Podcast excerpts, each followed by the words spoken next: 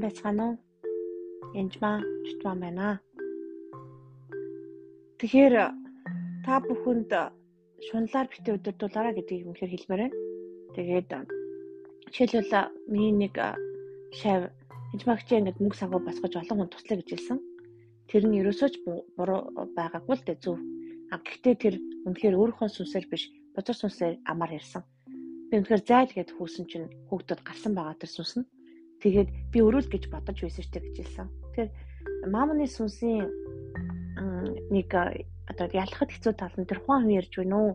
Эсвэл одоо өөр юм ярьж байна уу гэдэг мэдэх хэцүү. Ядаж ч гэсэн тос хасгаж байсан эмэгтэй санаад оо одоо энэ мөнгөний чинь одоо таны хөл мөлдөр тос хасгаж байгаад яах вэ? Олон ядуус өгч болох л байсан шүү дээ энэ төр гэдэл ярьж л байгаа юм л та. Гэтэл тэр хүн өөрөө одоо мөнгөний шуналтаа ч юм уу тухайн одоо мөнгнөөс нэгддэг ч юм уу тийм байсан гэж ярьж гардаг байгаа библиэлд. Түүнтэй адилхан бид нэр заримдаа ямар ч сайн хүн ч гэсэн мөнгө санхүү дээр мундаг тохиол их байдаг. А тэгхгүй тул бүдэрхгүй тулд эзнээс зүрхсэлээ цэвэрлэж асууж явах хэрэгтэй гэсэн үг. Тэг ялангуяа эзэн хангадаг гэдгийг сайн ойлгох хэрэгтэй.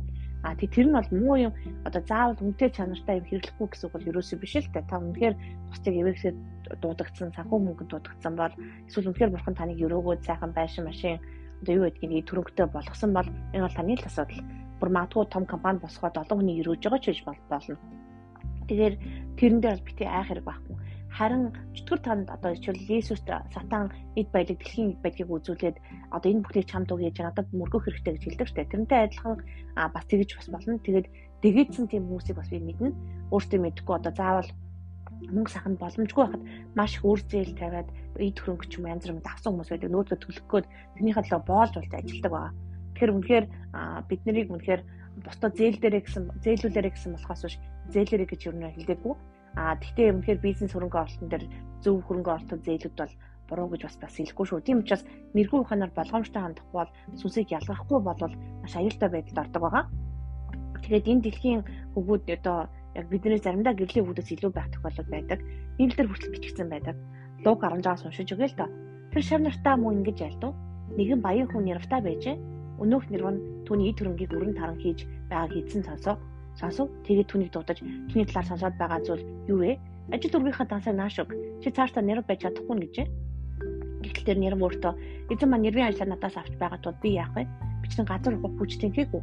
Гуйлах тухаасаа нь би ичиж байна ухаасаа бичиж байна. Би юу хийхээ би мэдлээ. Нэрвийн ажлаасаа халагдвал тэд намаа гэртээ хүлээж авах болно гэх хэмээгээд эзэнд нь өртөө хүн бүрийг дуудаад эхний хүнээс чи миний эзэнд хэр өртөө вэ гэсэнд тэр хүн 100 хэмжээр тосны өртөө гэхэд мөн үг зарсан дансаа даруй суугаад 50 гэж бишгэжээ. Тэгээд нөгөөд нь чигээр өртөө вэ гэхэд тэр 100 хэмжээр улаан будааны өртөө гэхэд дансаа 80 гэж бишгэлээ. Шудраг бус нэрвийнхаа ухаалаг үйлдэлийн төлөө эзэн түүнийг магтан сайшаажээ.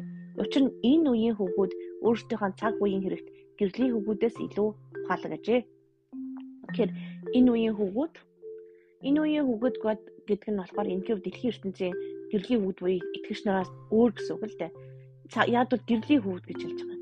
Итгэгч биш хүмүүсийн хувьд өөрсдийн цаг үеийн хэрэгт гэрлийн хөвгүүдээс илүү ухаалаг ажээ. Тэгэхээр заримдаа тэд илүү ухаалаг ханддаг байна. Ялангуяа бизнесийн салбарт ч юм уу итгэж биш хүмүүс илүү ухаалаг байдаг гэж хоёрч найз минь надад хэлж байсан. Тийм учраас бити өөрийгөө бий та буюу бити өөрийгөө зовоогоороо гэж хэлсэн. Гэтэ би итгэж хүмүүртлээ ухаалаг бизнес одоо олон одоо зүйлд амжилт гаргасан хүмүүсийг би зөндөө мэднэ. Тэгэхээр энэ үеийн хэрэгт үнхээр гэрлийн биш хүмүүс илүү ухаалаг байдаг байх нэ. Тийм болохоор тэд нартай өөртөө бити харьцуулаараа аа тэгээд ч заримдаа ариун сүсээр дүүсэн хүмүүсийн хувьд зарим салбарын хувьд талбар дээр нэг тийм ухаалаг байгаа шилдэггүй. Ялангуяа санхүү мөнгөний хувьд би бол жишээлбэл нэг нэг сайн хүн биш л дээ. Ягаад санхүүгийн бодгоос хийдэг бэ гэхээр би өөрөө маш их суралцах гэж хичээдэг учраас тэр талаар уншдаг. Аа тэгээд судалдаг байгаа. Уг нь би бизнесийн удирдлагаар төгссөн хүн маркетингийн одоо хичээлэн дээр зааж яасан хүн л дээ.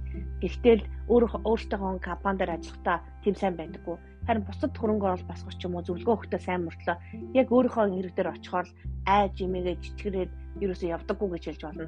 Тэгээ тийм учраас би санхүү мөнгнөөс айхаа айцуудаа би бүгдэнд хөөсөн байгаа. Яг бол мөнгнөөс айхаа айцсан тийм сайн зүйл ерөөсөө биш. Мөнгөгүй байхасаа ч айхан сайн биш. Мөнгөтэй байхасаа ч айхан сайн биш. Бас нэг итгэж хоёр пастор байсан. Аа тэгээд хоёулаа итгэгчээс гадна хоёулаа бүр мундаг пасторууд шүү. Аа тэгээд мөнгөтэй болохоос айдаг гэж яад бол би шунлаар өдөрдүүлээд Бурханаас холдчихгүй гэж айдаг учраас би мөнгөтэй болдоггүй гэж надад хэлжсэн. Тэгэхээр альва ер нь айдас нь ер нь сайн зүйл биш. Жишээлбэл ковид тусгаас айжсэн хүмүүс эсвэл ковидын вакцин идэхээс айдаг. Аль аль нь буруу. Тэрнтэй адилхан мөнгөгүй байхаас айхан ч буруу, мөнгөтэй байхаас айхан ч буруу. Тэр айдас нь өөрөө тийм сайн зүйл биш. Мөнгө зүгээр л ийзүүлс гэдгийг юусоо мартаж болохгүй. Харин чи бурханд үйлчлэн харин мөнгө чамд үйлчилж байвал сайн олон хүнийг өрөөвөл илүү хэрэгтэй зүйл шүү дээ. Тийм болохоор мөнгнөөс яхаа заавч хайх хэрэгтэй шүү.